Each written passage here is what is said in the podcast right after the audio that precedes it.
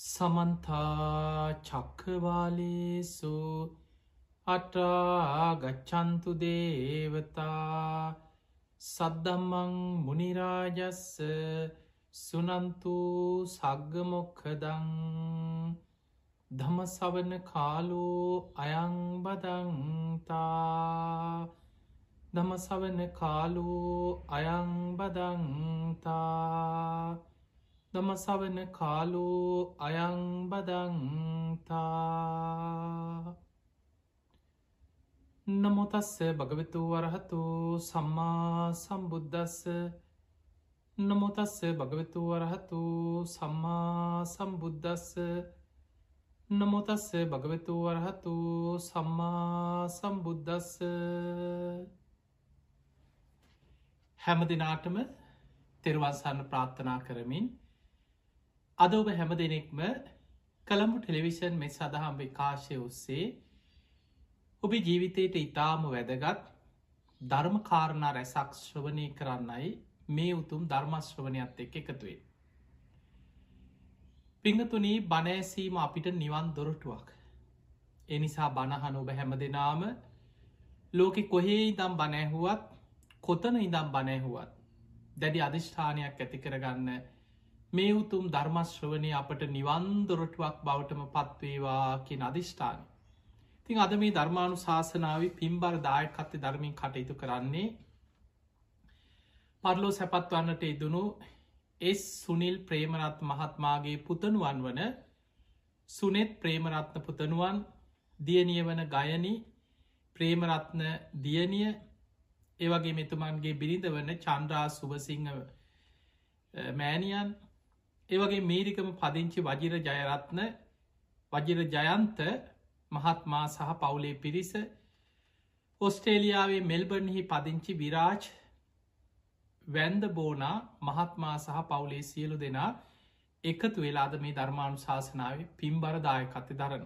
එයගේ අරමුණ තමයි මීරිගම පදිංචිව සිටි දෙදස් දහනමේ අගෝස්තු මස තිස්වනි දින පරලෝ සැපත්වන්නට එදනු එස් සුනිල් ප්‍රේමරත්ත මහත්මාට පින් අනුමෝදන් කිරීම මීරිකම මාදඹ විට පදිංචිව සිට පරලෝ සැපත් වූ ඒ සිරිසේන සීයාටත් තම මෑණියන්ගේ පියාණන් වන පරලෝ සැපත් වූ කරෝලිස් සිං්ඥෝ මහත්මාටත් සුභසිංහාමිනේ මෑණියන්ටත් වැඩිමහල් සොහයුරුවන මීරිගම දෙල්වල පදිංචිව සිටි නන්දන බෙනට් මහත්මාටත් පරලෝ සැපත්වන්නට ඉදනු එස්සේ දයාවති මිත්තනය ඇතුළු පරම්පරාගත සියලූම මියගේ ඥාතීන් සිහිපත් කළ පින්දීම අද ධර්මාණු ශාසනාව උතුම් මරමුණ තිඟ අරමුණෙන් තමයි ඒ පිංහතුන් මේ ධර්මදානමේ පින්කම සිදු කරන්නේ තිගේ බණහන හැම දෙනාටමත් ඔබ හැම දෙනාටමත් මේ උතුම් ධර්මශ්‍රවනය ධර්මාවබෝධය පිණිසම නිවන්දරොටුවක් බවට පත්වේවා කියලා මුලින්ම ආශිර්වාද ප්‍රාර්ථනා කරනවා. පිංහතුනේ අද අපි මේ ධර්මාණු ශාසනාවට මාතෘකා කරගන්නේ අපේ ජීවිතයේ තීරණාත්මක වෙලාවක්. ඊළඟ උපත ගැන තීරණාත්මක මොහොතක් මරණාසන්න මොහොත. මෙන්න මේ මරණාසන්න මොහොතේ කෙනෙකුට බලවත් වෙන්න පුළුවන් කර්මවල ස්වභාවේ. ඒ මොහොතේ හිතට ගලාගෙනෙන සිතුවිලි මොන විදිහටද කෙනෙක්ගේ ඊළඟ උපතට බලපාන සමහර වෙලාවට මේ ජීවිතේ නොකරපු දෙයක් වෙන්න පුළුවන්. හීනකින්වත් නොසිතපු දෙයක් වෙන්න පුළුවන්. මරනාසන්න වෙලාවෙ නොඒක් විදිහේ භයානක දේවල් හිතට මැවි මැවී පේනවා සමහරයට නොසිතන විදිහට කේන්ති යනවා සමහරුන්ට මරණාසන්න වෙලාවේ. දරුව එක්ක ඥාතීන් එක්ක තමන්ට කෑමටික කවලා නාවලා වතුරටික පෝලා ආදරින් බෙහෙත් හේත් කරලා තමන් ළඟම ඉන්න කෙනා එක්කත් හරියට කේන්ති යනව සමහරුන්ට සමහරලාට වෛද්‍යවරයෙක් බෙහෙත් කරන්න මිසී කෙනෙක් තමන්ව සනීප කරගන්න උත්සාහගත්තත් ඒ එක්කත් වෛර බදිනවා.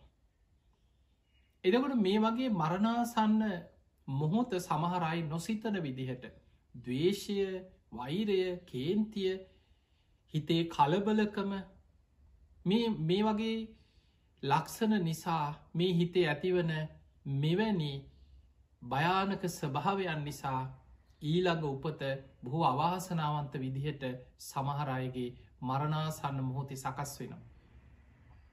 අන්නේ නිසා පිංහතුනේ බුදුරජාණන් වහන්සේගේ ධර්මය අපිට පෙන්නල තියෙන ආකාරයට මරණාසන්න මොහොතක ඊළඟ උපත පිණිස කෙනෙකුට බලවත්වවෙන්න පුළුවන් කර්මවල ස්වභාවය අද මේ ධර්මාණු ශාසනාවද අපි විස්තර ඇතුව කතා කරනවා. බොහෝ වෙලාවට බහල ඇති සාමාන්‍ය සමාජය තුළ මිනිස්සු කියනවා ඔය මොනවා කරත් ඉතිං චුතිචිත තමයි. අන්තිම වෙලාවේ ඒ වෙලාවට ඉතිං හිතන දේ තමයි. ඔන්න ඔහොම කියනව බහල ඇති. ඒ අතර සමහර අය හිතාගෙන ඉන්නවා හරි මං ඒක ඒ වෙලාවට කරගන්නංකෝ උඹලගේ පාඩු ඉඳ පල්ලා කියන මට උපදිස් දෙන්න එබ්නේ පා කියනවා. සමහර අකුසල් කර කර පව්කම් කර කර ඉන්න අය මේ ධර්මී ගැන නොදැනුවත්කම නිසා ඒ අයි හිතාගෙන ඉන්නවා මැරෙන්න්න වැටෙනකං ඔය කරගෙන යන අකුසල් වැරදි වැඩ පවකං ඔය විදිහටම කරගෙන ගිහිල්ලා අන්තිම වෙලාවෙ චුතිචිත අන්තිම සිතුවිල්ල අමං ඒක ඒ වෙලාවට කරගන්න මන්දන්න වැඩේ කරගන්න කියලා. එදකොට මේ වගේ අදහස් අපිට සමාජය තුළ අහන්න ලැබෙනකොට අපිට පේනවා කොයි තරක් ධර්මය නොදන්නා කෙනා අසරණද. අනතුර ළඟට යනකම්ම කිසි බයක් නැතු යනවා. අවසානයේ මරණින් මත්ති සතරාපායට වැටෙනවා. අන්නේ නිසා පිංහතුනේ මරණාසන්න මොහොතේ හිතක ස්වභාව හොඳට තේරුම් ගන්නතොත්. මේ හිත අපිට පාලනය කරන්න පුළුවන් දෙයක් නෙමේ.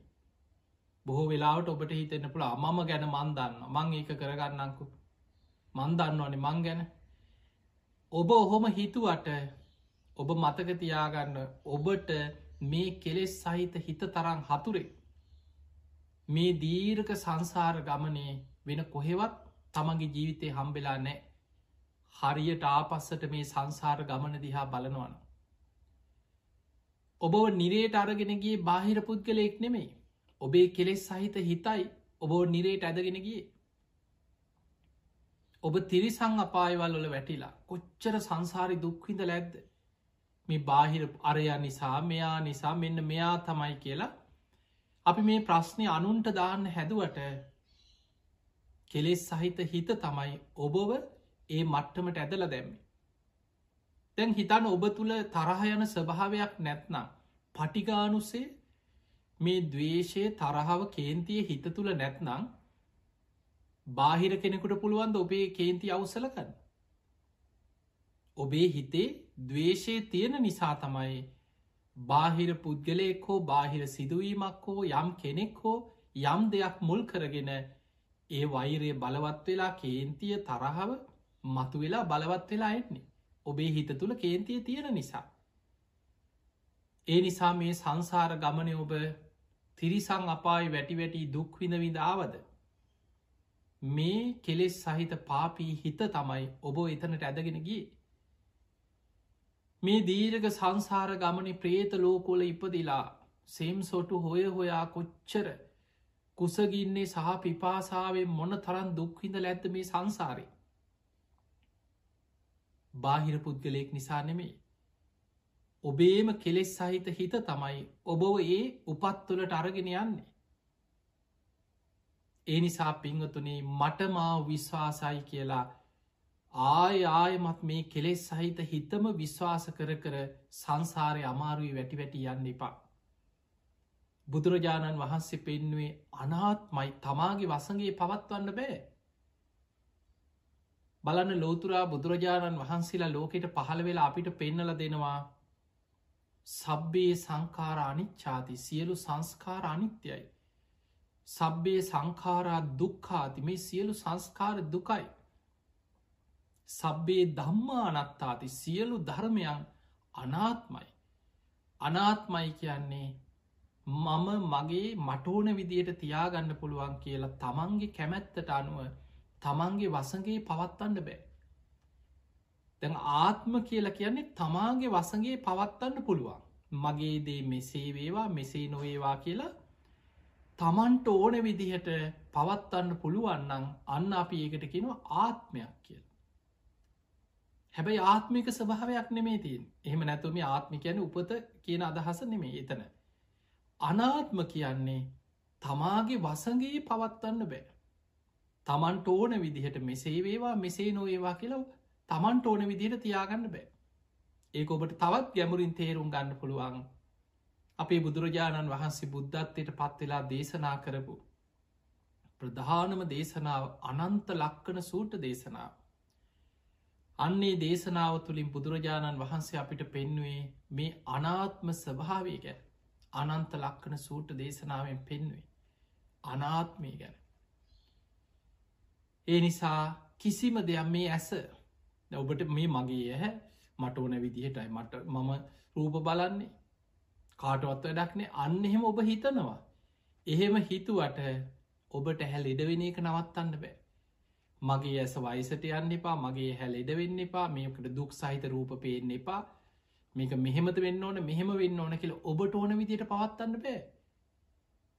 ඔබ කැමති වුණත් අකමැති වුණත් ඇස ලෙඩ වෙනවා වයිසට යනවා ජරාවට පත්වෙනවා ඇස් පේෙන් නැතු යනවා ඇස් කුණු වෙලා යනවා සමහරුගේ ඇස් අයිංකර මැරෙන්න්න කලින්ම ඇහැපිටිං ඉවත් කරන්න වෙනවා. මේ කන මේක මම මගේ ශරීර මේ මගේ කන කාටවත් වඩක් නෑන. මට ඕන විදිහටයි මේකති එහෙම ඔබ හිතුවට ඔබට ඔබේ වසගේ පවත්වන්න බෑ. හේතු නිසා හටගත්දයක් ඒ හේතු වෙනස් වෙනකොට එක වෙනස් වෙන ඔබ කැමති වුණත් අකමැති වුණත් මේ කන වයිසට යනවා ලෙඩ වෙනවා ජරාවට පත්වෙනවා තුවාල හැදෙනවා කං ඇහෙන් නැතුව යනවා මොන්න තරන් ලෙඩ රෝග හටගන්නවාද. නාසය ඔබට ඕන විදිහට සුවද වර්ග ඔබ කැමති දේවල් විතරක්න මේ ගඳ දැනෙනවා නාහි ලෙඩ හැදෙනවා ගඳ සූද නොදැනෙන මට්ටමට ජරාවට පත්වෙලා යනවා. දිව ගැන හිතන්න ඔබට හිතන්න පුළ මේ මගේ සඩ මගේ දිවනේ දිව මගේ එනිසා මට ඕන විදිහට ඒක තියෙන්නේ කියලා. මතක තියාගන දිව කියන්නේ ආයතනයක් හේතු නිසා හටගත්. නාමරූප පච්චයා සලායිත් මේ ආයතන හයම නාමරූපයෙන් හටගත්තේ. හේතු නිසා හටගත්ත දේවල් හේතු වෙනස් වෙනකොට වෙනස් වෙනවා. දිව ලෙඩ වෙන නො ඒ ලෙඩ රෝග හැදෙනවා දිවේ තුවාල හැදෙනවා කුණු වෙනවා. ඔබ දැකලති නනම් පිළිකා දිවේ මුක පිළිකා හැදෙනවා. සමහරු කැමති වුණත් අකමැති වුණත් ඒ දිව සමහට මේ මූුණේ හමත් එක්කම ගලවලා කපල අයින් කරනවා. උගුරෙන් බටයක් දාලා කෑම ටික එතනින් බටයක් දාලා යවනවා. කවුරුත් කැමති නෑ. මේ දිව මම මගේ නම් මටෝන විදියට තියාගන්න පුළුවන්නම් කෞද කැමති ඒ විදියට දිව කපලා උගුරෙන් බටයක් දාලා එතනින් කෑම යවාගන්න. ඒ නිසා අනිත්‍යයදේ අනිත්‍ය වෙනවා. දුක්දේ දුකට පත්වෙනවා. අනාත්මදේ අනාත්ම වෙලා නොම අපිට ඕන විදියට පාත්තන්න පුළුවන් දේවල්නෙමේ මේ ශරීරයත් එහෙමයි. අපි කැමති වුණත් අකමැති වුණත් වයසට යනවා ලෙඩ හැදෙනවා ජරාවට පත්වෙනවා. ඒ කයිට අත්වෙන ඉර නම මැරි යනවා. කොටසින් කොටසත් මැරිලා යනවා. සමහරු ජීවත් වෙලා ඉන්න ඇදීම ශරීරය පැත්තක් පණ නැති වෙනවා. සමහරුගේ කකුලක් අපල අයින් කරන්න වෙනවා. අන්තිමට කොහොම හරි කකුලක් නැතුව හරි ජීවත්වෙන්න හිතාගෙන කැමති වෙනවා කමක් නෑ කියලා. සමහරයි කකුල් දෙකම කපලායින් කරනවා. ඒත් කැමති වෙනවා කකුල් දෙක නැතත් කමක් නෑ ඉතුරු ටිකෙන් හරි ඉන්න පුළුවන්නක් කිය. ඒ නිසා මතක තියාගන්න මේ මම මගේ මගේ කියලා හිටියට හේතු නිසා හටගත්දයක්. බුදුරජාණන් වහන්සේ පෙන්ුව අනාත්මයි තමාගේ වසගේ පවත්තන්න බෑ. පුළුවන් කියලා හිතපු නිසා තමයි අපි මේ හිතට රැවටුනේ. පිංහතුනේ අපි මුලාවෙන් මේ සියල්ල දිහා දකින හැටි බුදුරජාණන් වහන්සේ පෙන්නනවා මේ ලෝකෙ සත්වයා ලෝකෙ දිහා දකින්නේ අනිත්‍යය නිත්‍ය සංඥේ. අනිත්‍යදේ හැබැයි නිත්‍යයි කියෙන සංඥාවෙන් තමයි යායව දකින්නේ. ඒක තමයි අවිද්‍යාව ස්වභාවේ. දුක්කේ සුක සංඥී.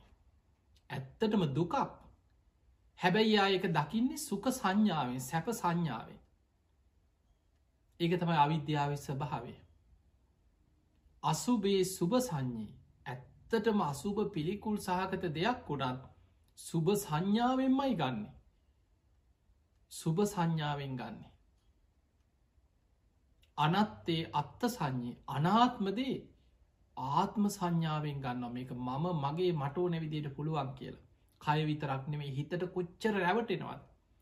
ඒ හිතට රැවටිලා ආත්ම සංඥාවෙන් ගත්ත නිසයි ඒ හිත විසින් ඔබව නොමගෑරයා. ඔබ නිරේට ඇදගෙන ගියා තිරිසල් ලෝකට ඇදගෙන ගියා ප්‍රේතපායට ඇදගෙන ගියා.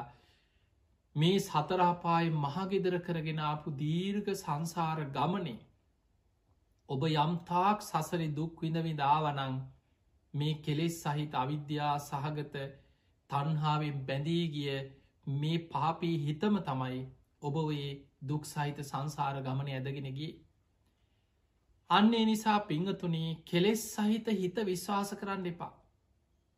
මරණාසන්න මොහොතේ අපිට ඕන විදිහට කුසලේ විතරක් ඒ වෙලාවට මතක් කරගෙන අකුසලේ හිතෙන් අතහරිනවා කියන එක ඒ වෙලාවෙ කරන්න පුළුවන් දෙයක් නෙමේ. හැබැයි ඒදේ කරන්න පුළුවන් කාලයක් තිස්සේ පුහුණු වෙච්ච කෙනෙකුට.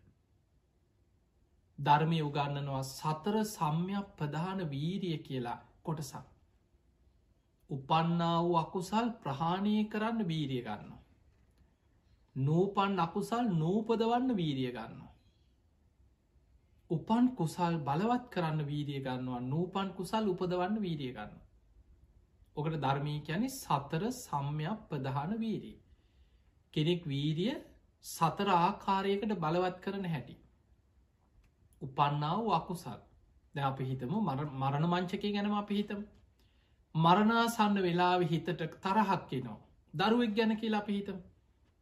තමන්ට බේට්ටික දරුව ඇවිල්ලකින ආදරෙන් කණ්ඩ බෑම කියනවා. මට බෑ කන්න කියන.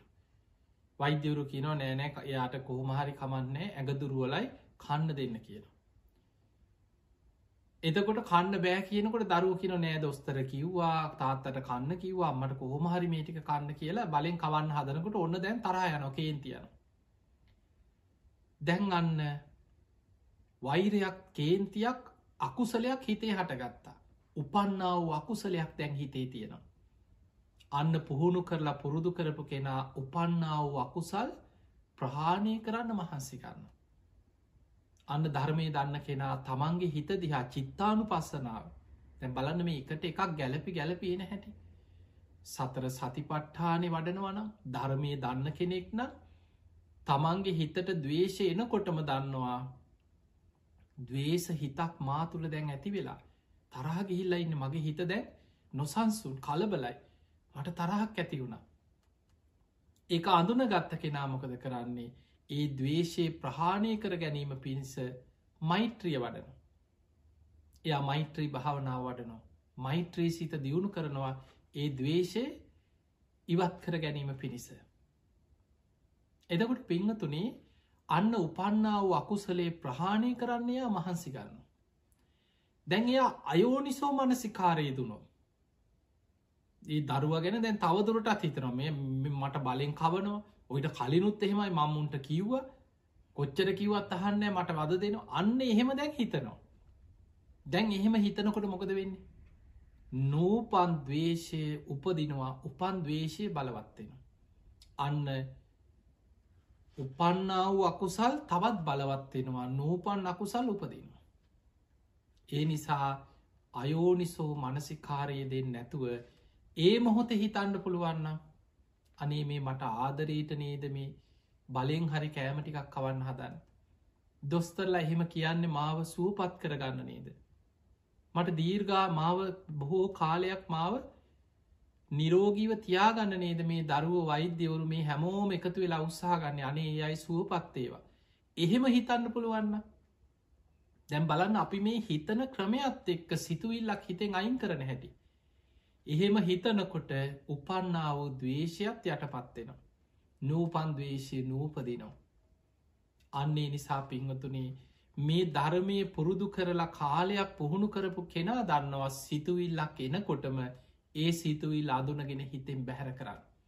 උපන්නාව අකුසල් ප්‍රහාණය කරනවා නූපන් අකුසල් නූපදවන විදිහටම තමන්ගේ කල්පනාව සිතුවිලි පවත්තර. කුසල් උපදවනවා. ඒ වෙලාවෙ දරුවට මෛත්‍රී කරනවා.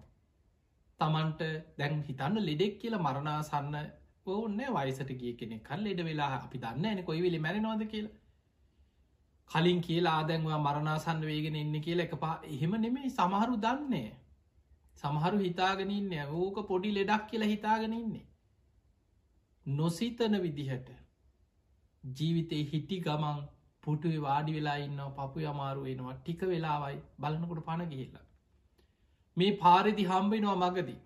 ආයේ කොහෙද යන්න කියලා හොඳට කතා බහ කරලා ඒනම් හෙට හම්බෙමු කියලා යනවා. මෙන්න ගිහින් ටික වෙලාවකින් ආරංචි වෙන අසවලා නැති වුණ. අදහ ගන්නවත් බෑ. මේ ටික වෙලාවකට කලින් මාත් එක කතා කරලා හිනා වෙලා මේ හොඳට හිටේ මනුස්සයනේ. කොහොම දෙහෙම වෙන්නේ? අදහගන්නොත් බෑ. ඒක තමයි ජීවිතය හැටි. මරණය කවදක් කොත්තන කොයි මොහොතේ නවද කියලා අපි කවුරුත් දන්නේ ඒ නිසා මැරෙන්න්න වැටෙනකං හිටියොත් ධර්මය සිහි කරන්න ඔබ අනතුරේ වැටෙනවාමයි. නිතර පුහුණු කරන්න නිතර පුරුදු කරන්න. කොහොමද අපි කුසලේක හිත බලවත් කරන්න? බුදුගුණ සිහි කරනවා. අපි හිතම ඒ වෙලාවෙම තමන්ට දරුවෙක් ඇප උපස්ථාන කරනවා නම් කෑමටික කවනවා නාවනවා බේත් ටික දෙනවා. ඒ දරුවට මෛත්‍රී කරන්න පුරුදුවෙන් අනේ මගේ මළමුට්ට ටික අස් කරලා කැතකුණු ටික ඉවත් කරලා සමාට කෙල ටික පිහලා සෙම ටික පිහලා බොහොම ආදරෙන් කෑමටික හදලා අනේමාව රැක බලාගන්නවා නේද? මේ දරුව නිදුක්කේවා නිරෝගීවා සුවපත්තේවා කියලා හදවතිම තමන්ට සලකන කෙනාට උපස්ථාන කරන කෙනාට මෛත්‍රී වඩ අන්න එතකොට කුසල් බලවත්වෙනවා නූපන් කුසල් උපදිනවා උපන්නා වූ මෛත්‍රී ආදී යම් කුසලයක් තිබ්බන එක තවත් බලවත්වෙනවා දැම් බලන්න මරණාසන්න මොහොතක බොහොම සරලව දේවල් තියෙනවා පිංහතුනි හිත රැකගන්න ගොඩාක් ධර්මය දන්න අයම ධර්මය ගල්පගෙන සුගතිය කියන්නෙමෙයි. ඔබ විමානවත්වේ සඳහන් දේශනා ඇහුවොත් දිවිය ලෝක ඉපදිච්ච දෙවිවරුන්ගේ ජීවිත කතා ඒ අය මේ ගොඩක් බණහලා සූට්‍ර දේශනා ත්‍රිපිටගේ කාලයක් කියෝලා මේ හොඳට බණ භාවනා කළ හිත පුරුදු කරගත් අයටත් වඩා සමහර සිදුවීම් තියෙනවා. ඒ වෙලාවට අපිට හිතාගන්න බෑ. ඒ මොහොතෙ හිත හදාගන්නවා තමන්ගේ ජීවිතය අමනතුරක් විපතක් වෙන්න යන වෙලාවට හිත හදාගන්නවන්නේ මං මොකටද කාටවත් වයිල කරන්න? මංකරේ හොඳ දෙයක්. එහෙම හිත හදාගෙන මැරිල සුගතියන එක සිදුවීමක් තියෙනවා මේ නැන්දම්ම හැම වෙලේම ඒ ලේලිත් එක්ක රණ්ඩුවටමයියෙන් මේ ලේලි හරි මෛත්‍රී සහගතයි නැන්දම්ම මොනවා කිව්වත් බැන්නත් මොන්න විදිහට ගැහුවත් දමල ගැහුවත් යමකින් සුවපත්තේවා සුවපත්තේවා කියලා මෛත්‍රියම වඩාගෙන තමන්ගේ හිත රැකගෙන ඉන්න. ඔහොම ඉන්නකොට එක දවසක් ස්වාමීන් වහන්සේ නමක් පින්ඩ පාති වැඩිය. ගෙදර ගිහිල බැලු අනේ දෙන්න දෙයක් නෑ. වලඳ දිහා බැලුව දංකුඩ ටිකක් සූරල කාලමකුවත්මනෑ. එදා දවස උයන්න දෙකුත් නෑ උයපු දෙකුත් නෑ. කාම්බරේ බලන්නකොට නැන්දම්මගේ කාම්බරේ තියෙනවා උක්දඩු කීපයක් උක්දඩු දෙකක් තිබ්බා. ඒ වෙලේ හිතු අනේ මේ ස්වාමීන් වහන්සේට උක් පැණි ටිකක් පූජා කරගන්න තියෙනවන මොන තරම් පිනක්ද මේ වෙලාව. එලියෙන් ආසනයක් පනවල වන්දනා කළකිව ස්වාමිනී සුළු මොහොතක් මේ ආසනය එලි වැඩඉන්න. උක් පැණි ටිකක් සකස් කරලා මං පාතරයට පූජ කරන්න මට පොඩි වෙලාවක් දෙන්න කියලා ඉක්මනට ගිහිල්ල නැදම්මත්නය අහන්න කෙනෙකුත් නෑ. කමක්නේ ආපු ගමන් මං මේක කියලා නැන්දම්මට පින් දෙනවා කියලා. අර උක් පැන උක්දනු දෙ කාරගෙන මිරි කලා භාජනයකට උක් පැනිටි කාරගෙන ඇවිල්ලා හර ස්වාමීන් වහන්සගේ පාත්තරයට පූජ කර. උන්වහන්සේ ගාථාවකින් පින් අනුමෝදන් කරලා උන්වහන්සේ වැඩිය. දැම් මේ පින ගැන සිහිකර කර පුද්දුම සතුටකින් හිටිය අනේ කොච්චර දෙයක්ද කොච්චර ලාභයක්ද මං අද ලොකූ පිනක් කරගත්තා කියලා ඕක සිහිකර කර හිටිය ඔය පින සිහිකර කර ඉන්නකොට මෙන්න හවස් වෙලා නැන්දම්මාව. ආපු ගමන් කාම්බරයට ගිය උද්දනු දෙක නෑ කේන්තියෙන් ඇවිල් ඇහුව කෝමගේ උක්දන්නු දෙක. ඒ කියනකොටම කිවන්නේ අම්මේ හිත පහදවා ගන්න අම්ම සතුටු වෙන්න. මල් ලොකූ පින්කමක් කරගත්තා ඒ පින අම්මට අම්ම හිත හදාගන්න. මං අද පින්ඩ පාත වැඩි ස්වාමීන් වහන්සේ නමකට ඒ උක්දනු දෙක පූජ කරා. දී කාගෙන් අහලද මගේ උක්දන්න දෙක පූජ කරය කියලා කේන්තියට පුටුවක් තිබ උත්සල ගැහුවා ඒ පුටුවෙන් ගහනකොටම වැදුනේ නරක තැනක හේ මැදගෙන වැටුණා මිය ගිහා. ජීවිතයේ සමහර වෙලාවට නොසිතන සිදුවීම. සමාට මැරෙන්න්න ගැහුව නොවේ වෙන්න පුළුවන්. එවැනි අත්තරදීම ඔබට ඕන තරම් මේ සමාජය අහන්න ලැබෙනවා. සමහරලාවට දරුවෙකුට දෙමවපියෙක් වෙන්න පුළුවන්. තරවටු කරනවා සමලාට ගහනවා. නොසිතන විදිහට නරක තැනක වැදිලා මිය යනවා. එදකොට ඒ වගේ අර ලේලිය එහෙම ඇදගෙන වැටුණා මිය ගිය. සුළු වෙලා. දැන් හිතන්න කොච්චර දැක් දවේශයේ පුරුදු කරන කෙනෙකුට නම් හිත දමනය කරපු නැති කෙනෙකුට නම් වෙන කෙනෙක් නම් නැන්දම් මට සාප කරගෙන මං මැරිලා හරි ඕකගෙන් පලිගන්නවා කියාගෙන මැරෙනයි නින්නේ සාමාන්‍ය සතේ සරපයෙක් වෙලා හරි මං ඕකගෙන් පලිගන්නවා මං මැරිලා බෙල්ල හරි මිරිකනවා යකෙක් වෙලා කියලා ඔහොම හිතාගෙන සමහරු මැරෙන්නේ. හැබැයි මෛත්‍රිය වඩපු මේ ලේලියට පුළුවන් වුණා හිත රැකගන්න. නැන්දම්ම ගැහුව එකවත් ඒ සිදුවීමවත් නෙමේ සිහිකරේ කොච්චර ලාභයක්ද. අනේ මං ආරයන් වහන්සේ නමකට අඩ උක්තන්ඩක් පූජ කරානේ සාධූ සාධූ කියලා එහෙම පණගියා නින්දෙන් පිබිදිය වගේ දෙව්ලෝ පහළ වුණා බොහෝම ලස්සන රත්තරම් පාට දිවිය විමානක පහළ වුණා දේවතාවයක් වෙලා. අපේ මුගලන් මහරහතන් වහන්සේ ඉරදිවන්තයන්ගෙන් අග්‍රයි. උන්වහන්සේ නිතර වඩිනවා දෙව්ලොවට බඹලවට දෙවියන්ගේ විස්තරහනු. මේ මුගලම් මහරහතන් වහන්සේ දිවිය ලෝකට වැඩම කළ දෙවියන්ගේ විස්තර අහගෙන යනකොට මේ දිවිය විමානය දැකල ඇහුව පින්වත් දෙවිය පින්වත් දෙව්දුව. ඔබ මේ තරන් දිවිය සැප සම්පත් විඳින්නේ මොනවගේ පිනක් කරලද. ඔබ නම් බොහෝ පින්කරගත්ත කෙනෙක් පාටයි. මොනවගේ පිනක්ද කරේ අන්න එතකොට කිවනේ ස්වාමීනි මං ගොඩාක් පින්කරපු කෙනෙක් නෙමේ මං ගොඩක් ධර්මය දැනගෙන හිටියෙත් නෑ. නමුත් මං මගේ හිත රැකගත්තා. මගේ හිතට තරහක් දවේශයක් ඇතිවෙන්න මං ඉඩ තිබෙන මං හිත රැකගත්තා. දවසක් පින්ඩ පාතියාපු සාමීන් වහන්සේ නමකට මං ගෙදර තිබ උක්දන්ඩක් පූජ කර යුක්දන්න නැන්දම් මගේ. නැන්දම්ම කේන්තියෙන් මගේ උක්දන්ඩකෝ කියලා ඒ වෙලාවේ අතට අහුවිච්ච දෙයකින් පුටුවකින් මට දමල ගැහුව. මං ඇදගෙන වැටිලා මිය ගිය. නමුත් මංකරපු පින ගැන සිහි කරලා මං මේ දෙව්ලුව ඉපදුනාකිව නින්දෙන් පිබිදිය වගේ.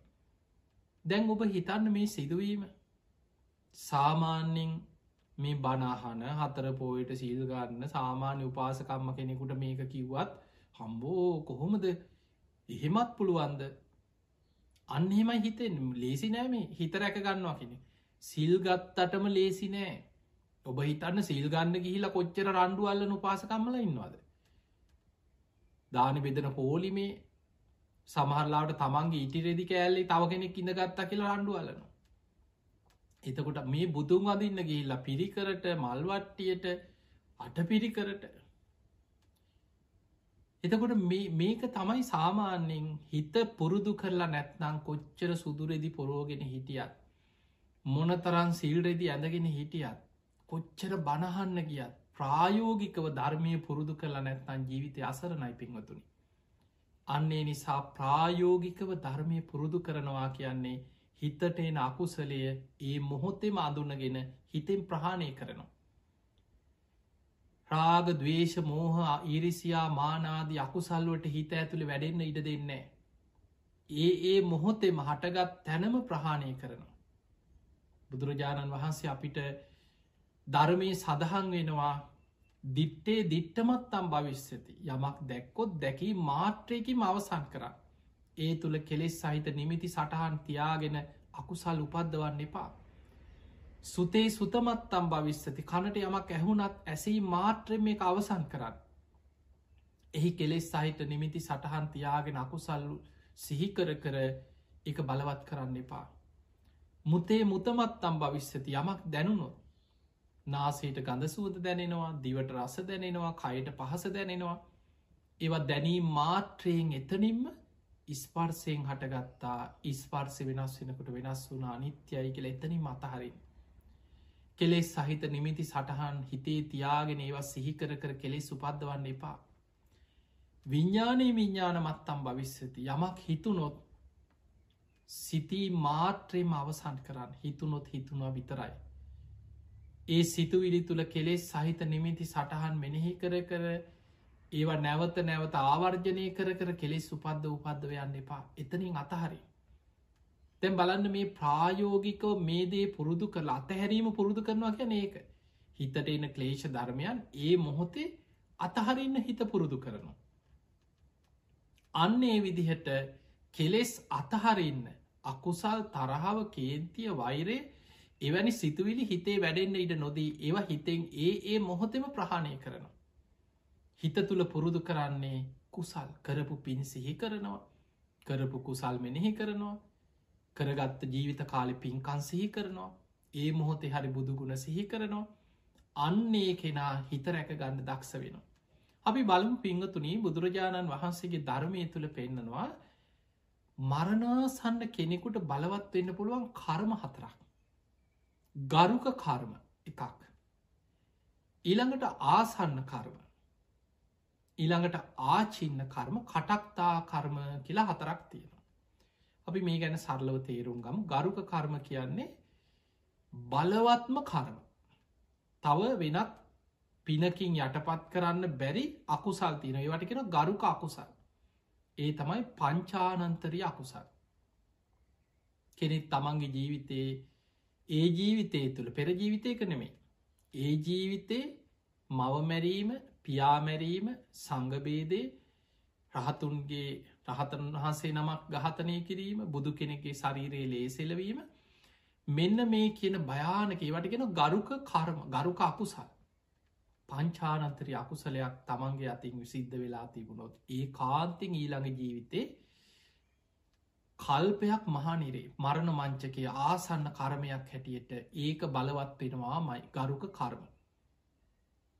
එදකොට අපි සාමාන්‍යෙන් ගත්තොත් ඒ තරම් පව්කාරය තමන්ගේ අම්ම තමන්ගේ අතින් චේතනාත්මකෝ මරන්න තරම් පියාව මරන්න තරම් සංගබේදයක් කරන්න තර රහතන් වහන්සේ නමක් ගාතනය කරන්න තරම් බුදු කෙනෙක්ගේ ලේ සොලවන්න තරම් ඒ තරම් පව්කාරය ගැන කතාකරෝ කලාතුරකින් බුද්ධ ශාසනය කීප දෙනෙක් ගැන ශාසනික ඉතිහාසි තියෙනවා දේවදත්ත හාමුදුරුව අජාසත්ත ඒ වගේ සිදුවී සමාජ තුළත් කලාතුරකින් ඔයනි පුද්ගලයෝ ගැන අද රටේ අපිට තැන් තැන්වලින් අහන්නත් ලැබෙනවා.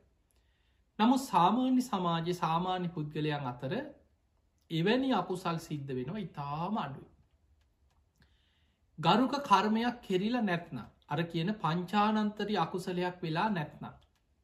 මරණාසන්න කෙනෙකුට මරණ මංචකේ බලවත් එන්න පුළුවන් කර්ම තමයි ආසන්න කර ඔන්න ඔතන තමයි අපි තේරුම් ගන්න ඕනෑ පරිස්සං වෙන්න ඕන ඔන්න ඔතනදී තමයි අපි අපේ හිත රැක ගන්න ඕන තැන ආසන්න කර්ම.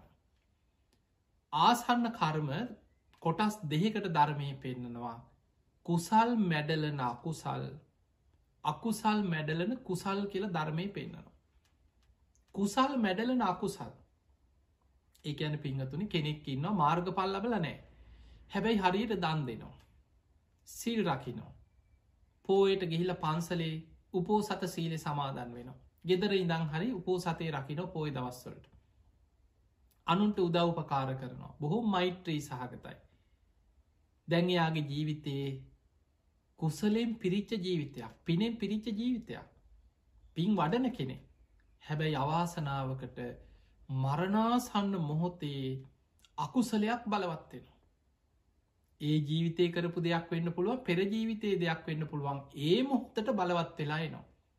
අන්න අර හිත ඇතුළේ යටපත් වෙලා තිබිච්ච රාග දවේශ මෝහාදී ක්ලේෂයන් ඇවිස්සිලා තමන්ට තමන්ගේ හිත පාලනය කරගන්න බැරුව මරණ මංචකයේ කෙලෙස්වලින් හිත යටපත් වෙලා අකුසලයක් බලවත් වෙලා මැරිලා දුගතිය වැටෙන. පින්කරපු කෙනෙක් පවා ආසන්න කර්මයක් හැටියට අකුසලයක් මතුවුණොත් දුගතියක ටික කාලෙකට හරි අපාය වැටෙන්න්න පුළුව. දැව බහල ඇතින ධර්මාසෝක රජ්ජුරු අසූහාරදාහක් වෙහෙර විහාර හැදුව. තමන්ගේ එකම පුතා මහින්ද කුමාරය පැවිදි වුණාරහත් වනා මිහිදු මහරහතන් වහන්සේ. තමන්ගේ දියනිය සංගමිත්තා රහත් භික්‍ෂුනිය ශාසනයට පූජ කර මුණපුරා තමයි සුමන සාමනේරයන් වහන්සේ. මහරහතන් වහන්සේලා ඇසුරු කරා මුග්ගලී පුත්තතිස මහරහතන් වහන්සේගෙන් බණයහුවා ධර්ම සංගායනා කරා ලෝක රටවල්ලෝට ධර්මය ව්‍යාප්ත කරා මොන්න තරම් මහා විශාල පුුණ්‍ය කන්දයක්ද මේ රැස් කරේ. හැබැයි මරණාසන්න වෙලාවේ ළඟ හිටපු පවන්සලන කෙනා ගැන වෛරයක් කේන්තියක් ඇති වුණා යම් සිදුවීමක් නිසා. වටාත්ත වැදුන කියලත්ති නො ඉතිහා ශාසනික අටුවා පොත් පත්වල මොකක් හෝ හේතුවකින් පවන්සලන කෙනා ගැන වෛරයක් ඉපදුණු. අර කරපු පින් යටපත් වෙලා ආසන්න කර්මයක් හැටියට ඒක බලවත් වෙලා දින කීපයකට හරි දුගතිය වැටුණ. අන්න කුසල් මැඩලන අකුසල් කරපු පින් යටපත් කරගෙන මරණාසන්න මොහොතේ ආසන්න කර්මයක් හැටියට අකුසලයක් මතු වෙන්න පුළුව. එහෙම මතුවනොත් පෘතජ්ජනක මේ භයානක්කම තමයි දුගතියට යන්න නොට එක ටික කාලෙකට වෙන්න පුළුව. පින් ගොඩාක් බලවත් කෙනෙක් අපා ඉපදුනත් දවසින් දෙකින් දවස් දෙක තුනකින් හරි අපායෙන් චුත වෙලා අයිදිවිය ලෝක යන්න පුළුවන්. හැබැයි මරණාසන්න මොහොතේ ආසන්න කර්මයක් හැටියට බලවත්වෙන දේ ඊළඟ උපතට කෙලින්ම බලපාන. මේක අනි පැත්තත් තියෙනවා. අකුසල් මැඩලන කුසල් සමහරයි ඉන්නවා දන් දෙන්නෙත් නැලෝබයි මසුරුයි දන් දෙනායටත් බනිනවා. සිල් සමාදන් වෙලා සීලයක් ආරක්ෂා කරන්න ගුණ ධර්ම පුරන්න උනන්දුවක් නෑ. ඔය අකුසල් කර කර පවකං කර කර අම්ඹලට වැඩක් නෑන අපිට ඕන විදිහට අපි ඉන්න කිය කිය ඉන්නවා. හැබැයි මරණාසන්න වෙලාවේ අන්තිම වෙලාවේ මොකක් හෝ පිනක් අපිට මට ජීවිත කාලය අකුසල් කරාට අන්තිම වෙලාවේ හිතට එනවා පිනක්. දරුවන්ට හරි කියන අනේ මට අට පිරිකරක් පූජ කරන්න ඕනේ. හනේ මට ස්වාමීන් වහන්සේ නමක් ගෙන්නල බණහන්න ඕනේ. මගේ අතින් ගොඩක් වැරදි වුණා. අනේ මට පන්සිල් ගන්න ඕනේ. ඔහොම කියන ඉන්න අන්තිම වෙලාවේ ලෙඩ ඇදේ. අපි හිතමු මොකක් හරි පිනකට අන්තිම වෙලාවේ උතුම් ස්වාමීන් වහන්සේ නමක් වඩිනෝ. හොඳට හිත පිහිට වන්න ධර්මය දන්න ස්වාමීන් වහන්සේ නමක් වඩිනවා. වැඩම කරලා අර උපාසක මහත්මයක්ට බණ කියනවා හිත පහදෝනෝ. සිල් සමාදන් කරනවා.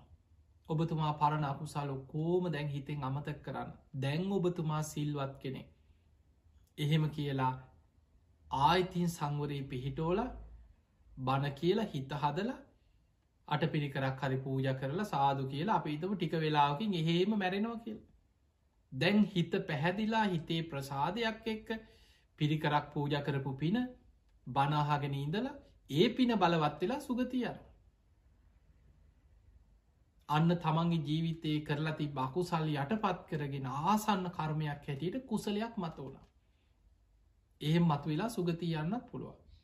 හැබැයි පිංහතුනි සසරේ කරපු අකුසල් ගොඩාක් බලවත් නම් ඒ ජීවිතේ ජීවිත කාලෙ ගොඩාක් පවකං අකුසල් කර කර හිටපු කෙනෙක් නම් දිවියලෝක ඉපදුනත් ටික දවසකින් චුත වෙලා අපායට වැටෙනවා. ආසන්න කුසලයක් බලවත් වනාට ඒ කුසලේ බොහෝ කාලයක් විපාක දෙන්න සමහරුන්ට පිනනෑ පෙරාකුසල් බලවත්. නමුත් අපිට පේනවා මරණාසන්න මොහොතෙ හිතක ස්වභාවය ඊළඟ උපතට බොහෝ බලපෑමක් කරනවා. ඒ නිසයි මරණාසන්න කෙනෙකුට කරපු පිනක් සිහිකරන එක කුසලයක් සීක ඔබහල ඇති ඉස්සර මිනිස්සු ළඟ තිබුණ පින් පොතක් කියලා. පින් පොත කියවන තමන් ජීවිත කාල ලියන පින්කල් ලියල තියෙනවා. මොක නැත්ත අමතක වෙනවා. දැන් ඔබ හිතන් ඔබේ ජීවිතය කොච්චර පින් කරල ඇද කියලා. එක පාරට ඔබෙන් අහනෝ කරපු පින්කන් දහයක් විතර දැන් කියන්න කියලා. මොනවාහරි කල්පනා කරලා එකක් මතක් කරයි දෙකක් මතක් කරයි දෙක තුනක් කියයි දැන්නම් මතක්කෙන් නෑ කියනවා. මරණ මංචකේ හිත කලබල වෙලා බයවෙලා අසරණ වෙලා තියෙනකොට සමහරුන්ට කරපු පිනක්කක් මතක් කෙන්නේ.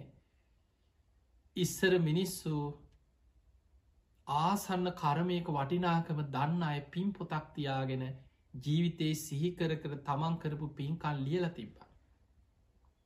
පිංහතුනි අද තාක්ෂණයත් එක් ඔබ ලෝකේ අපි දන්නවා මේ බණහන ගොඩාක් අය අද තරුණ පිරිස මැදිවයස වේවා මේ අන්තර්ජාලය පරිහරණය කරන බණහන සමාජයක් අත්තියන ලෝක තාක්ෂණයක්ත් එක්කඉන්න. ඔබට පිම් පොතක් ඔබට පුළුවන් ඉස්සර ඉතින් ලියලා තියෙන අකුරුටිකනේ අද එහෙම නෙමෙයි. ඔබ කරපු පින්කංවල ඔබට පුළුවන් ඒවා වීඩියෝ කරලා වීඩියෝ එකතු කරලා තියාගන්න. පින්කංවල පින්තූර එකතු කරලා වෙනම ඔබට හදාගන්න පුළුවන් පොතක්. ඡායාරූපවලින් පින් වීඩියෝ වලින්. ඔබට සම්පූර්ණ ඔබ කරපු පින්කං එකතු කරලා ලස්සන වැඩ සටහන ඔබට මන්ත්‍රජාලයෙන් හදාගෙන නිතර ඔබ දකිනව බලනවා. මේ මංකරපු පින්කම් මේ තියෙන පින්තූර මේ අපි ගිය පා ගියවුරුද්ධ කරපු පින්කම්. මේ තමයි අපි කරපු කටින පින්කමේ පින්තූර දැම් බලන්න ඒවා දකිනකොට සිහි කරනකොට මොන තරම් පිනක් බලවත්වෙනවාද කෙනෙකුට ඒ නිසා පිංහතුනී මරණාසන්න මොහොතේ පිනක් කුසලයක් සිහිකරගන්නවා කියන්නේ ඒ හිත ඊළඟ උපතට බොහෝ බලපෑම් කරනවා සුගතිගාමීව උපත පිණිස. ඒ නිසා ගරුක කර්මයක් කෙරිලා නැත්නම්. අර ආනන්තර යකුසල් වගේ භයානක ඒ කාන්තෙන් ඊළඟ ජීවිතය අපායට ඇදගෙන යන ගරුක කර්මයක් වෙලා නැත්නං ඊළඟ ඊළඟට විපාක දෙන්නේ මරණාසන්න මොහොතේ ආසන්න කර්ම. ඒ ආසන්න කර්ම කොටස් දෙහිකට අපි ඉගෙන ගත්තා ගරුක කුසල් ගරුක අකුසල්. ආසන්න කුසල් ආසන්න අකුසල් ගරුක කර්මෝලත් එහෙම තියෙන.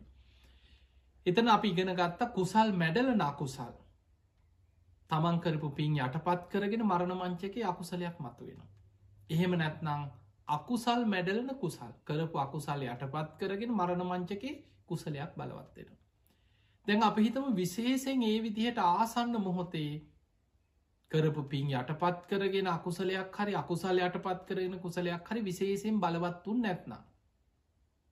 එයාට මරණාසන්න කෙනෙකුට ඊළඟට ඊළඟ උපතට හේතු වෙන්නේ ආචින්න කරම ආචින්න කියන්නේ නිතර පුරුදු කරපු දේම බලවත්වෙනවා. පුරුදු කරපු දේ. නිතර බුදුගුණ සිහිකර කර හිටපු කෙනාට මරණ මංචකෙත් බුදුගුණම සිහිවෙනවා. නිතර අනිත්‍ය සිහිකර කර හිටපු කෙනාට මරණාසන්න මෝතය අනිත්‍ය මරමුණ වෙනවා. තමා තුළ තියෙන සද්ධහා සීල සුතතියාග ප්‍රඥා සිහිකර කර සුගතිය හිත පිහිටවාගෙන දේවතානුස්සතිය වඩපු කෙනෙකුට මරණ මංචක ඒක බලවත්වෙනවා. සුගතිය මරමුණ වෙනවා. අන්න නිතර කුසල් වැඩීමේ වටිනාකම. නිතර නිතර පුරුදු කරන කෙනාට ඒ පුරුදු කරන පුරුද්ධ මරණාසන්න වෙලාය බලවත්වෙන තියෙන අවස්ථාව වැඩි. නිතර සිල් රකින සීලයට ප්‍රසංසා කරන කෙනාට මරණ මංචකේ තමන්ගේ සීලයේ සිහිවෙන මන් සිල්වත් කෙනෙ. මං මෙහෙම ගුණ ධර්ම පුරන මං බුදුගුණ හිතනවා. මං අනුන්ට දන් පැන් පූජ කරලා මං මෙච්චර පින් කරගත්තා කියල කරපු පින් සිහි වෙනවා. අන්න නිතර පුරුදු කරපු දේ සී වෙනවා. කෙනෙක් නිතර අකුසල් කර කරම හිටියොත් මරණ මංචකේ ඒ අකුසල් සිහිවෙන්න තියෙන අවස්ථාව ගොඩාක් වැඩී පින්වතුනි. වෛර කර කර දවේශ කර කර සාමාන්‍ය සමාජය තුළ ඔබ හිතන මේ ගොඩාක් වර්තමානය බෞද්ධ නාමෙන් ඉන්න බොහෝ දෙනෙක් තුළ ගත්තොත් මැරෙන මැරෙන බොහෝ දෙනෙක්ගෙන් බොහෝ දෙනෙක් එක්ක ප්‍රේත ලෝකොල ඉඩ කඩංගොල අර ගෙවල් දොරවල් දරුවෝ ඉඩං දේපල තන්හාාවි තෘෂ්නාව මැරෙන්නේ. උදේදන් රෑ වෙනකන් ලෝකෙ ඔතන. ඉඩම පොල්ටික ඇහිදින එක වත්ත වටේ ඇවිදින එක.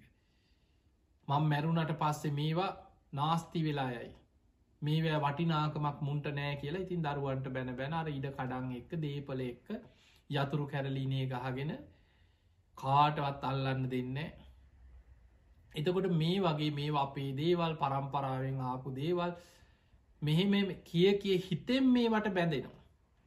පිංහතුනි බුදුරජාණන් වහන්සේගේ ශ්‍රාවකයෝ කාමයන් පරිහරණය කරනවා. ඔයිඩ කඩන් ගෙවල් විතරක් නෙමෙයි. රජකං කරපු අහිටිය සෝවාන් වෙච්චයි. මින්විසා රජ්ජුරු රජකංක රසූවාන් වෙලා. මාලිගාව ගැන හුල්ල හුල්ල මැරුන්නේ. විසාකාව විසිහත් කෝටියක් වියදං කරලා පූරාරාම හැදුවේ කෝටිපතිනිය. නව කෝටියක් වටින පළඳනාවක් පැළඳගෙන හිටියේ. මේ මගේ රත්තරම් බඩු මේවා මේවා කොහමහරි මේව තියාගන්න ඕන මේව නැතිවෙන්න දෙන්න බෑගල ඒවට ඇලිලා හිටියනේ බුදුහාන්දුරන්ගේ ගිහි ශ්‍රාවකයක් කාමයන් පරිහරණය කරනවන් නමුත් ආදීනව දස්සාවිනු. ආදීනව දකිමින් ඒව පරිහරණය කරන්න. අනිත්‍යයි මෙම යම් දවසක මට අතහරන්න වෙනවා කියලා ඒව පරිහරණය කරන්න හිතෙන් ඇලිල නෙමේ අවබෝධය ඒ අවබෝධ නැත්නං ගෙවල් ඉඩකඩං දීපල ඌවට ආසාවි මැරිලා බොහෝ දෙනෙක් ඒවෑම ප්‍රීතිව අමනුස්්‍ය වෙලා උපදින. ඒ නිසා පිනම පුරුදු කරන්න කුසල් වඩන්න සිල් රකින්. අන්න ඊළඟට ගරුක කර්මත් නැත්නම් ආසන්න කර්මයක් විශේසින් බලවත්තු නෙත් නැත්නම්. ආචින්න කර්මයක් හැටියට නිතර පුරුදු කරගත්ත දේත් බලවත් කරගන්න බැරි අවස්ථාවක කටක්තා ඉතාම දුරුවල කර්මයක් කුමක් හෝ කර්මයක් බලවත් වෙලා ඊළඟ උපත කරයන බොහෝ වෙලාවට කටක්තා කර්ම කියන්නේ අපේ හිතේ ඒ වෙලාවට හිත බලවත් නැති වෙලාවක සමලා නින්දෙන් මැරෙනවා. සිහි නැතුව ඉඳල එහෙම මැසින් එක ඉඳල පණයන සමර් කෝමා වගේ තත්වල ඉඳල පණයන එතකට ඔය වගේ අවස්ථාවක එයාට උත්සාහයෙන් වීරියෙන් සිහි කරගන්නවා තව කෙනෙකුට සිහි කරවන්නවා වෙලාවක් නෑ.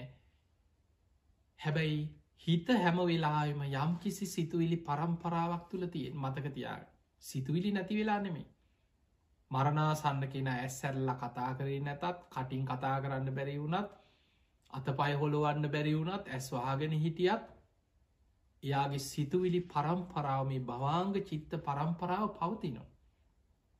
ඒක සිදෙන එකක් නෙමෙයි.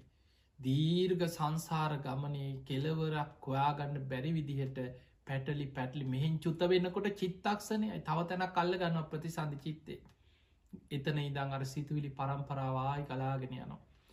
ඒ නිසා මේ සංසාරික සත්වයාට මරණාසන්න මොහොත කියන ජීවිතයේ තීරණාත්මක තැන. ඒ තීරණාත්මක තැන අසරණ නොවෙන්න නං ඔබට මේ කරුණු ටික මේ දේශනා හොඳට අහගෙන ඉන්නකොට විමසන්න හිතන්න මේ දේශනා ඔස්සේ මෙනෙහි කරන්න මට මොකක් වේද.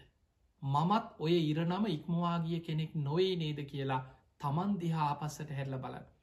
අන්න එතකොට ඔබට පුළුවන් හිත රැකගන්න අප්‍රමාදී වෙන්න වීරිය වඩන්න මරන් මැරෙන්න්න වැටෙනකංගින් නැතුව පින් දහම් කුසල් දහම් බලවත් කරගෙන ධර්මය දියුණු කරගන්න. ඒ පිරිස ඔබ හැම දෙනාටම මේ උතුම් ධර්මාණු ශාසනාව ආශිර්වාදයක් වේවා පාරමිතාවක්ම වේවා වේවා කෙලපි ආශිර්වාද කරනවා. පිංහතුනි අද ධර්මාණු ශාසනාව මේ බණ හලා රැස් කරගත් සියලුපේ සියලු දෙවියෝ සාධු කාරදිදීමේ පින් අනුමෝදන් වෙත්වා. ඒ දෙවියන්ගේ පිහිට රැකවරන ආශිර්වාදය ඔබ හැම දෙනාටම ලැබීවා ලැබේවා කියලා ආශිර්වාද කරනවා. ඒ වගේම අද මේ ධර්මාණු ශාසනාව පින්බරදාය කති ධර්මින් කටයුතු කරන්නේ පරලෝ සැපත්වන්නට එදනු එස් සුනිල් ප්‍රේමරත්න මහත්මාගේ පුතනුවන් වන සුනෙත් ප්‍රේමරත්න පුතනුවන් දියනිය ගයනි ප්‍රේමරත්න දියනිය බිරිඳවන චන්ද්‍රා සුභසිංහ ඒ මෑනියන් ඒ වගේ මීරිකම් පදිංචි වජිර ජයන්ත මහත්මා සහ පවුලේ පිරිස ඔස්ටේලියාය මෙල්බන්හි පදිංචි විරාජ් වැන්ද බෝනා මහත්මා ඇතුළු ඒ පවුලෙ සියලු දෙනා තමයි එකතු වෙලාද මේ පින්කම කරන්න. මේ ධර්මදාන මේ පින්කම කරන්න. ඉතින් ඒ හැම දෙනාට මස්සු ජීවත්ත ඉන්න පවුල හැම දෙනාම නිදුක්වේවා නිරෝගිවේවා සුවපත්තේවා ඒ හැම දෙනාට මුතුම් ධර්මාවබෝධය පිණිස මේ පින ආශිර්වාදයක් පාරමිතාවක් වේවා කියලපි ආශිර්වාද කරනවා. එයගේ අරමුණ තමයි මීරිකම් පදිංචිව සිටි දෙදස් දහනමේ අගෝස්තු මස තිස්වනි දින පරලෝ සැපත්වන්නට ඉදුණු එස් සුනිල් ප්‍රේමරත්න මහත්මාට පින් අනුමෝදන් කිරීම. මීරිකම මාදව මාදම විට පදිංචිව සිට පරලෝ සැපත් වූ ඒ සිරිසේන සීයාටත් තම මෑනියන්ගේ පියාණන් වන පරලෝ සැපත් වූ කරෝලිස් සිංහෝ මහත්මාටත් සුභසිං හාමිනේ මෑනියන්ටත් වැඩිමහල් සොහොයුරුවන මීරිගම දෙල්වල පදිංචිව සිටි නන්දන බෙනට් මහත්මාටත් ඒවගේ පරලෝ සැපත් වූ එස්සේ දයාවතී මිත්තනය ඇතුළු පවුලි හැම දෙනාටම සංසාරගත මිය පරල්ලව ගිය පරම්පරාගත පවුලේ සියලු මියගේ ඥාතීන් හැම දෙනාම සිහිපත් කරලා පින් අනුමෝදන් කිරීම අරමුණ. මේ නම් සඳහන් කරපු ඥාතීන් වගේම බැහැම දෙනාගෙම පරම්පරාගත මියගේ සියලු ඥාතීන් සාධු කාරදිදී පින් අනුමෝදන් වෙත්වා. ඒ අයගේ පරලව ජීවිත සැපවත්තේවා සුවපත්තේවා වහ වහා සසර දුකින් අතමිදේවා කියල සාදු කියල පින්දේ. එමනං ඔබ හැම දෙනාටමත් බණ ඇසූ හැම දෙනාමත් ලක්වාසී ලොවාසි හැම දෙනාමත් නිදුක්වේවා නිරෝගිවේවා සුවපත්තේවා සුවපත්තේවා හැම දෙනාට මුතුම් ධර්මාවබෝධය පිණිස මේ පින ආශිර්වාදයක් පාරමිතාවක් වේවා කියලපි ආශිර්වාද කරනවා. ආකා සට්ඨාච බුම්මට්ටා දේවානාගා මහිද්දිකා පුඤ්ඥන්තන් අනුමෝදිත්වා චිරන්රක් කන්තු ලෝක ශාසනං ආකා සට්හාච බුම්මට්ටා දේවානාගා මහිද්දිකා පුඤ්ඥන්තන් අනුමෝදිත්වා චිරන්රක් කන්තු දේශනං ආකා සට්හාච බුම්මට්හා දේවානාගා මහිද්දිකා පුඤ්ඥන්තන් අනුමෝදිත්වා චිරන්රක් කන්තුතුවන් සදා. හැම දෙනාටම සම්මා සම්බුදු සරණ